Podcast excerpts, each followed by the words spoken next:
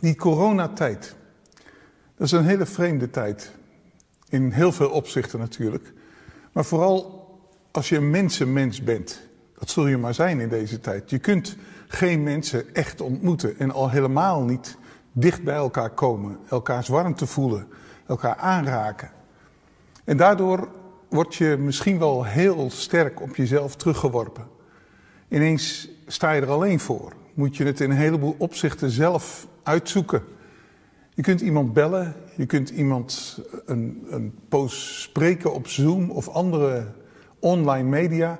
Maar toch, als je dan de computer weer afsluit, de telefoon weer uitzet, dan ben je alleen. Dan sta je alleen met je geloof. En soms merk je dan, misschien merk je dan wel, dat er momenten zijn waarop het lijkt alsof er niet zo heel veel overblijft. Je wordt je er bewust van dat je eigenlijk best heel zwaar leunt op het samen geloven. Waar niks mis mee is, alleen wat heb je daar nou aan op het moment dat je elkaar even niet hebt? Daar wil ik vandaag met je over nadenken. Een heel bekend verhaal, wat daar natuurlijk indirect, direct over gaat, is dit verhaal in Matthäus 25, vers 1 tot 11. Jezus zegt daar, dan zal het koninkrijk der hemelen gelijk zijn aan tien meisjes, die hun lampen namen en op weg gingen de bruidegom tegemoet. Vijf van hen waren wijs en vijf waren dwaas. Even een heel klein beetje context. Het was volgens de overlevering in ieder geval gebruikelijk dat bij een bruiloft de bruid in het huis van haar ouders wachtte tot de bruidegom haar kwam halen. En die bruidegom met zijn bruidsstoet, zijn uh, bruidsjonkers, die kwamen dan de bruid met haar entourage ophalen om haar naar het huis van de vader van de bruidegom te brengen. En daar zou het meerdaagse feest gaan plaatsvinden. Alleen het tijdstip waarop die bruidegom zou komen was vaak onbekend. Want um, die bruidegom moest een hoop voorbereidingen treffen in het huis van zijn vader. Maar er werd ook hevig onderhandeld in veel culturen. Over de bruidschat. Of hoeveel dit of dat item in de bruidschat nou eigenlijk waard was. Dus dat die bruidegom niet op de verwachte tijd of later, of ja, dat is allemaal relatief, dat hij op zich liet wachten, zullen we maar zeggen, dat was helemaal niet ongebruikelijk.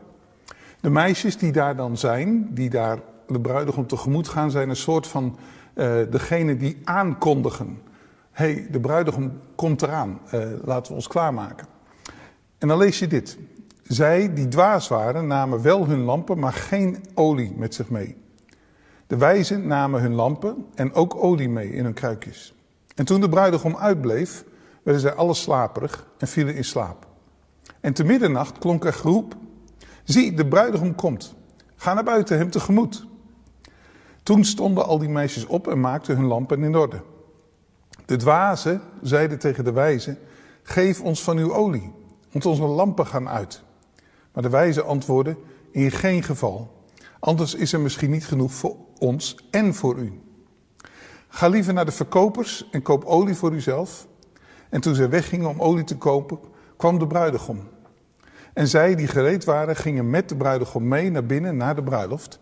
En de deuren werden gesloten. Later kwamen ook de andere meisjes, die zeiden, Heer, doe ons open. En hij antwoordde en zei, voorwaar ik zeg u, ik ken u niet. Wees dan waakzaam, zegt Jezus dan. Want u weet de dag en ook het uur niet waarop de zoon des mensen, de bruidegom, zal komen. Ik vind het een verhaal vol met tegenstrijdige dingen. Gevoelens ook bij mij, moet ik, dat, moet ik zeggen. Waarom is die bruidegom zo hard tegen die vijf meisjes die weliswaar te laat of later, maar hij was zelf ook laat, maar toch komen met olie en brandende lampen? En waarom geven die eerste vijf meisjes, die wel voldoende olie bij zich hebben, niet wat van die olie aan die andere meisjes? Eh, samen uit, samen thuis, barmhartige naaste liefde. Al die dingen, al die vragen, die worden in deze gelijkenis niet beantwoord. En voor ons blijven het misschien wel vragen. Maar Jezus wil waarschijnlijk iets anders met dit verhaal zeggen. In Matthäus 5, vers 14, dan noemt Jezus ons, mensen die bij Hem horen, mensen die geloven in Hem als de Messias, het licht der wereld. En hij zegt, zorg dat dat licht straalt, helder straalt. Dus het beeld wat in deze gelijkenis naar voren komt van lampen die brandende zijn, dat heeft waarschijnlijk wel direct te maken met wat Jezus eerder bedoelde in Matthäus 5. Zorg dat dat licht van je geloof, van je levenswandel in gehoorzaamheid aan mij, altijd schijnt. Dat het blijft schijnen. Dat het schijnt op het moment dat er een beroep op gedaan wordt. En Paulus die zegt dan op een gegeven moment dat, in Filippenzen 2 vers 15, dan spreekt hij over gelovigen die stralen als lichtende sterren in een duistere wereld. Dan zie je hetzelfde beeld. Licht dat verspreid moet worden, dat nodig is in deze wereld. Je geloof is dus als een, als een vuur, als iets wat brandt en iets dat licht verspreidt. Je geloofsbeleving, je levenswandel die daaruit voortvloeit. Je woorden, je daden, je blik, je reacties, al die dingen horen daarbij. En het licht dat in de duisternis schijnt, dat, dat maakt jou herkenbaar als iemand die bij de bruidegom hoort en die van de bruid is die deel van de bruid is, van haar entourage, deel van wat Jezus zijn bruid noemt.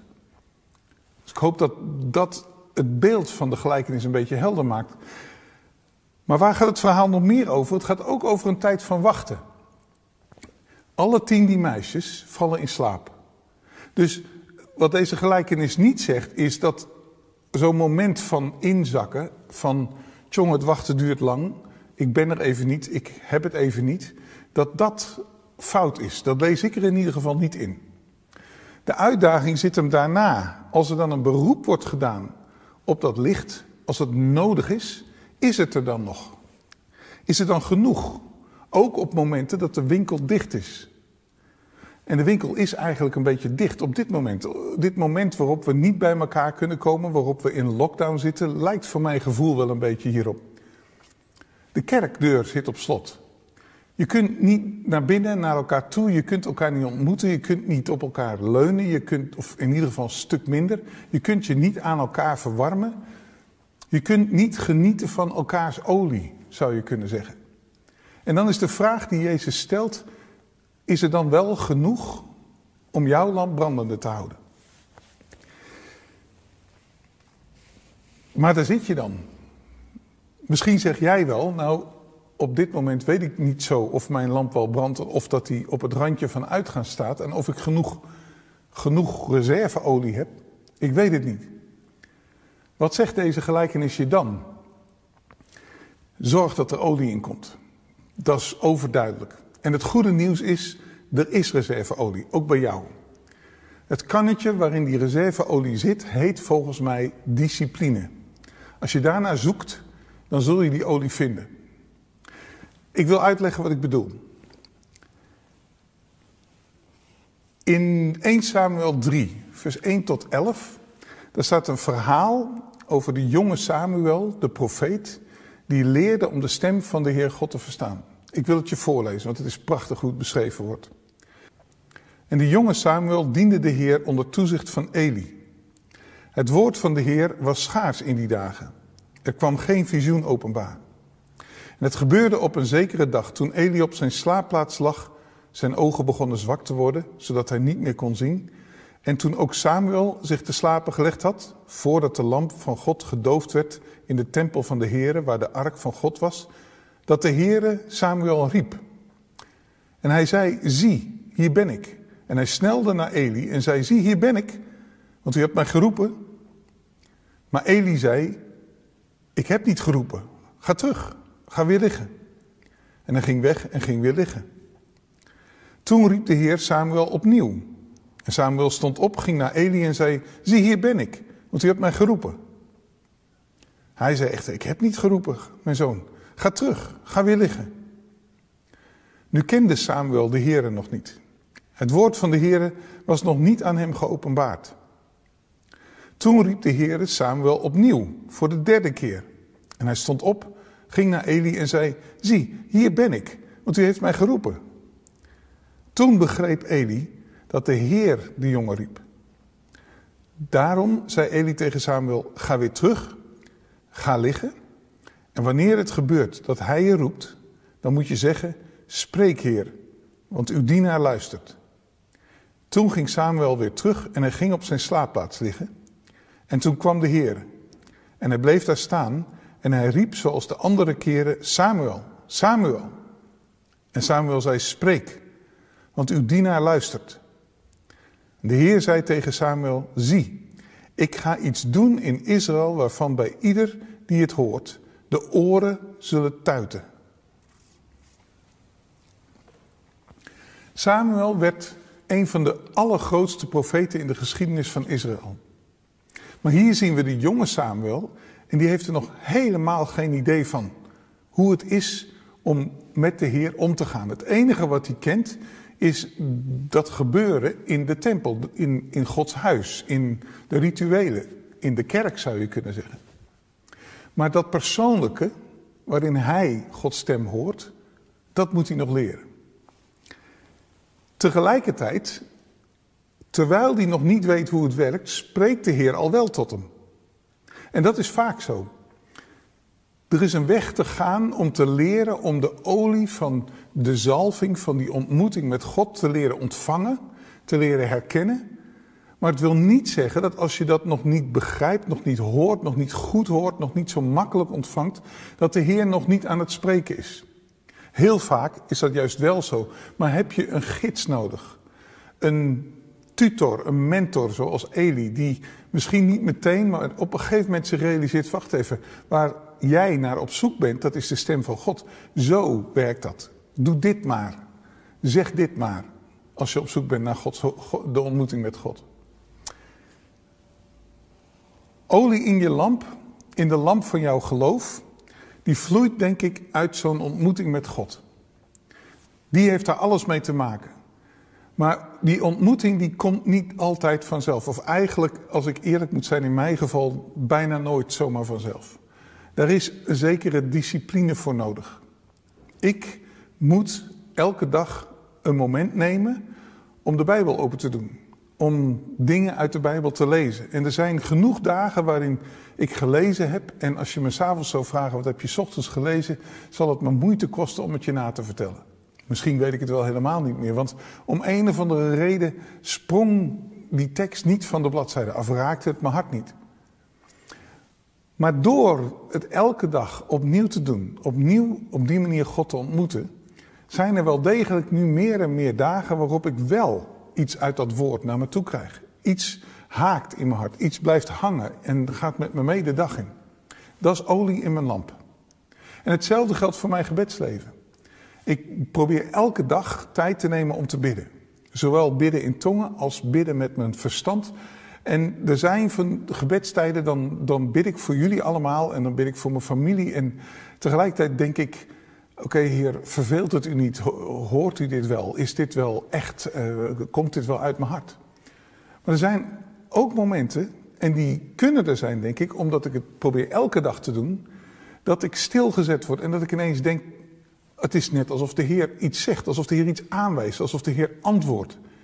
Is dat een hoorbare stem zoals Samuel dat heeft meegemaakt? Ik denk niet dat ik dat kan zeggen. Heel soms zijn er indrukken die zo sterk zijn dat ik bijna, als ik erover vertel, zeg, of misschien wel echt zeg, de Heer zei. Maar het was niet een stem zoals je mijn stem nu hoort. Misschien maak ik dat nog een keer mee. Ik zou het geweldig vinden. En tegelijkertijd zou ik me helemaal lens schrikken, denk ik. Maar daar gaat het misschien wel ten diepste niet om. Waar het om gaat is dat ik bewogen word doordat er iets gebeurt in die tijd die ik heb met God, elke keer weer, wat mij vult. Wat als olie op mijn ziel werkt. Wat als het ware olie op het vuur van mijn geloof is. Waardoor het weer opvlamt en waardoor op het moment dat er in de rest van de dag een beroep op gedaan wordt, ik weer wakker ben. Het licht weer schijnt ik er weer ben. En het geheim is op een of andere manier dat hoewel ik me kan verwarmen aan jullie allemaal en wij ons aan elkaar als we samen zijn als kerk, ik kan op een of andere manier mijn olie niet halen uit jouw tank. Dat ontvangen van die olie, wat mijn vuur, het vuur van mijn geloof brandende houdt, dat kan maar op één plek. En dat is op de plek waar jij en ik zelf God ontmoeten. En misschien is deze tijd juist wel om die reden een geschenk van God aan jou en mij. Dat God ons de kans wil geven om in een relatieve beperking van onze vrijheid des te meer te leren om olie te vinden in die ontmoeting met Hem. Zodat we over hebben. Ook voor momenten waarop het heel druk is en we even niet zoveel tijd hebben om die disciplines vol te houden. Ook op momenten waarop het even heel zwaar is. Waarop er lijden heel dichtbij komt. Waarop we even niet meer met ons hoofd kunnen beredeneren hoe het allemaal zit. En de vragen ons overspoelen. Dat er dan toch ergens uit een tankje wat op een andere tijd gevuld is, olie voldoende is om dat vuur brandende te houden. Terwijl ik met mijn hoofd niet meer weet hoe het zit, weet mijn hart nog steeds. Die God die ik ontmoet heb op die momenten, die is getrouw. En hij is nog steeds bij mij. En hij zal het doen. Dit is uh, een deel van het kettingje wat ik uh, van Astrid kreeg, wat ik heb uh, meegenomen. En waarschijnlijk heeft het kettingje nog meer bedeltjes. bij mij zie je, elk bedeltje heeft een verschillende vorm. En er is ook een bedeltje wat niet past. Volgens mij was het deze. En dit, dit kettingje dat is eigenlijk een, een symbool. In de loop van de geschiedenis hebben christenen door de eeuwen heen gemerkt dat die, dat leren van dat vullen van je tank, vullen van dat, dat, dat, uh, die voorraad van olie, dat discipline daarbij helpt, maar ook dat er dan vormen zijn die helpen. Bijvoorbeeld, in heel veel kerken hebben ze vaste tijden van gebed. Als je een keer een paar dagen in een klooster met de monniken meeloopt, dan zul je dat merken. Er is heel vroeg ochtends en heel laat s avonds, maar ook op vaste tijden door de dag heen zijn er momenten, dan komen ze samen en dan bidden ze samen. Maar wat de kerk ook gemerkt heeft, of christenen gemerkt hebben door de eeuwen heen, is dat soms helpt het dat je vaste inhoud hebt van je gebed. formulegebeden noemen ze dat ook wel, vaste teksten of vaste onderwerpen. En dit kettingje is eigenlijk een beetje zo'n soort hulp. Als je zo dat kettingje om hebt, stel dat je het om je arm doet, ik weet niet of die past bij mij, en je loopt door de dag heen zo een beetje eraan te friemelen, en je voelt die bedeltjes die eraan zitten, dan kunnen die bedeltjes je herinneren aan datgene waar zo'n vormpje voor staat. Je voelt als het ware, hé, hey, dit is zo'n, of deze, die vind ik heel leuk, dat is zo'n, zo'n zie je hem? Dat, een beetje een, uh, ik weet niet of je hem goed kunt zien op deze manier. Een driehoekje, een, een soort ufootje lijkt het wel.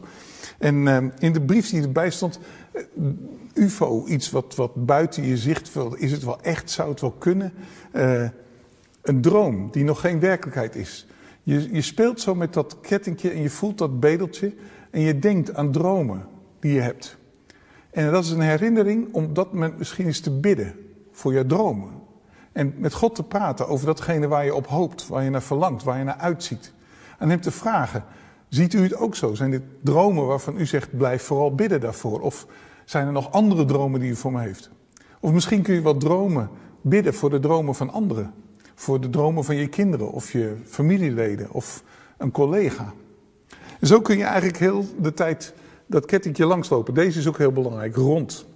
Rond is een soort ronde vorm, is, is, is, dat is een bepaalde, ja, misschien wel perfectie. Uh, een rondje, er zit geen cirkel, zit geen begin en geen einde aan, net als bij een ring, een trouwring. Daarom is die ook rond.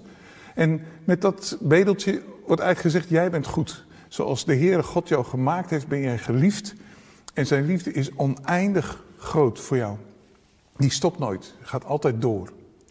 En nou, ik eh, wil de moeders in ieder geval aanraden om dat eens uit te proberen deze week. Om met die bedeltjes aan die ketting zo misschien te oefenen om discipline van omgang met God te ontwikkelen. Zo bedeltje na bedeltje zo te voelen. En bij een van die bedeltjes, als je langzaam zeker een beetje weet, wat, wat stond, waar stond die ook alweer voor? Hè? Je hebt die mooie brief gehad met uh, de betekenis erop van elk bedeltje. Hier zo, oh, hier zo. En als je dan zo daarmee bezig bent, dan merk je dat je elke keer weer, terwijl je erover nadenkt, een beetje in de richting van de ontmoeting met God geleid wordt. En hoe vaker je dat doet, hoe vaker de momenten zullen zijn dat je daaruit iets meeneemt. Dat je merkt dat je dacht dat je zelf alleen maar aan het denken was en aan het praten was. Maar als je terugkijkt, dan lijkt het, God heeft gesproken. En ik ik wil als Samuel zijn. En ik wil dan zeggen, spreek Heer, uw dienstknecht hoort. Ik luister. Ik wil het horen. Ik wil het ontvangen. En ik wil het in mijn tankje doen, als het ware. Ik wil erop branden. Ik wil er licht door leren geven, door datgene wat u spreekt. Nou, dit is natuurlijk niet alleen bestemd voor, voor moeders, uh, vrijgezellen, mensen die, die alleengaand zijn, kunnen natuurlijk ook zo'n kettingje maken. En uh, vaders, kinderen, kan allemaal. Je hoeft hem ook niet per se alleen om je arm te doen. Je kunt hem ook om je nek dragen. Of je kunt hem in je Bijbel hangen of uh, aan de spiegel in de auto. De bedoeling is wel dat je er af en toe aan frommelt, vreubelt. Dat je, dat je voelt die vormpjes. Of dat je daarnaar kijkt en dat je zo'n vormpje pakt en dat je dat gebruikt om tijd met God door te brengen. En dat je op die manier een discipline ontwikkelt die jouw tank, de tank van jouw geloof, volmaakt. Zodat je licht helder kan branden. Zullen we bidden? Vader in de hemel, dank u wel. Dat voor niemand van ons nu hoeft te gelden, Heer, dat onze lamp uitgaat. Maar dat u ons uitnodigt, zoals u Samuel uitnodigde, om uw stem steeds opnieuw te horen en te leren kennen. Steeds meer, steeds beter. En Vader God, ik wil u bidden voor diegenen die nu kijken, die ontdekken dat in deze tijd waarop we zo op onszelf teruggeworpen worden, dat, dat het, de lamp van hun geloof misschien wel een beetje sputtert op sommige momenten. Dat het de vraag is, heb ik wel genoeg olie? Hou ik dit wel brandende? Ik wil u bidden om uw bijzondere genade, Heer, dat als zij u zoeken, als zij proberen te bidden, als zij hun Bijbel proberen te lezen, wilt u alstublieft komen, Heilige Geest. En wilt u spreken. En wilt u mentors geven aan hen, zoals uh, Eli daar was voor Samuel. Die hen helpen om te zien. Zo heeft de Heer gesproken. Herken je het? Zeg dan, Heer, ik heb het gehoord. Spreek opnieuw, Heer, ik wil luisteren. En ik wil je daarmee zegenen dat deze tijd, hoe lang die ook gaat duren, een tijd van openbaring van God zal zijn. Een tijd van groeiende overvloed in je geloofsleven, van voldoende olie. Van een tijd van rijkdom, omdat het vuur helderder en helderder gaat branden. En dat je door dat vuur niet een prooi zult vallen aan wanhoop of aan twijfel. Maar dat God zelf je tegemoet zal komen. In Jezus' naam. Amen.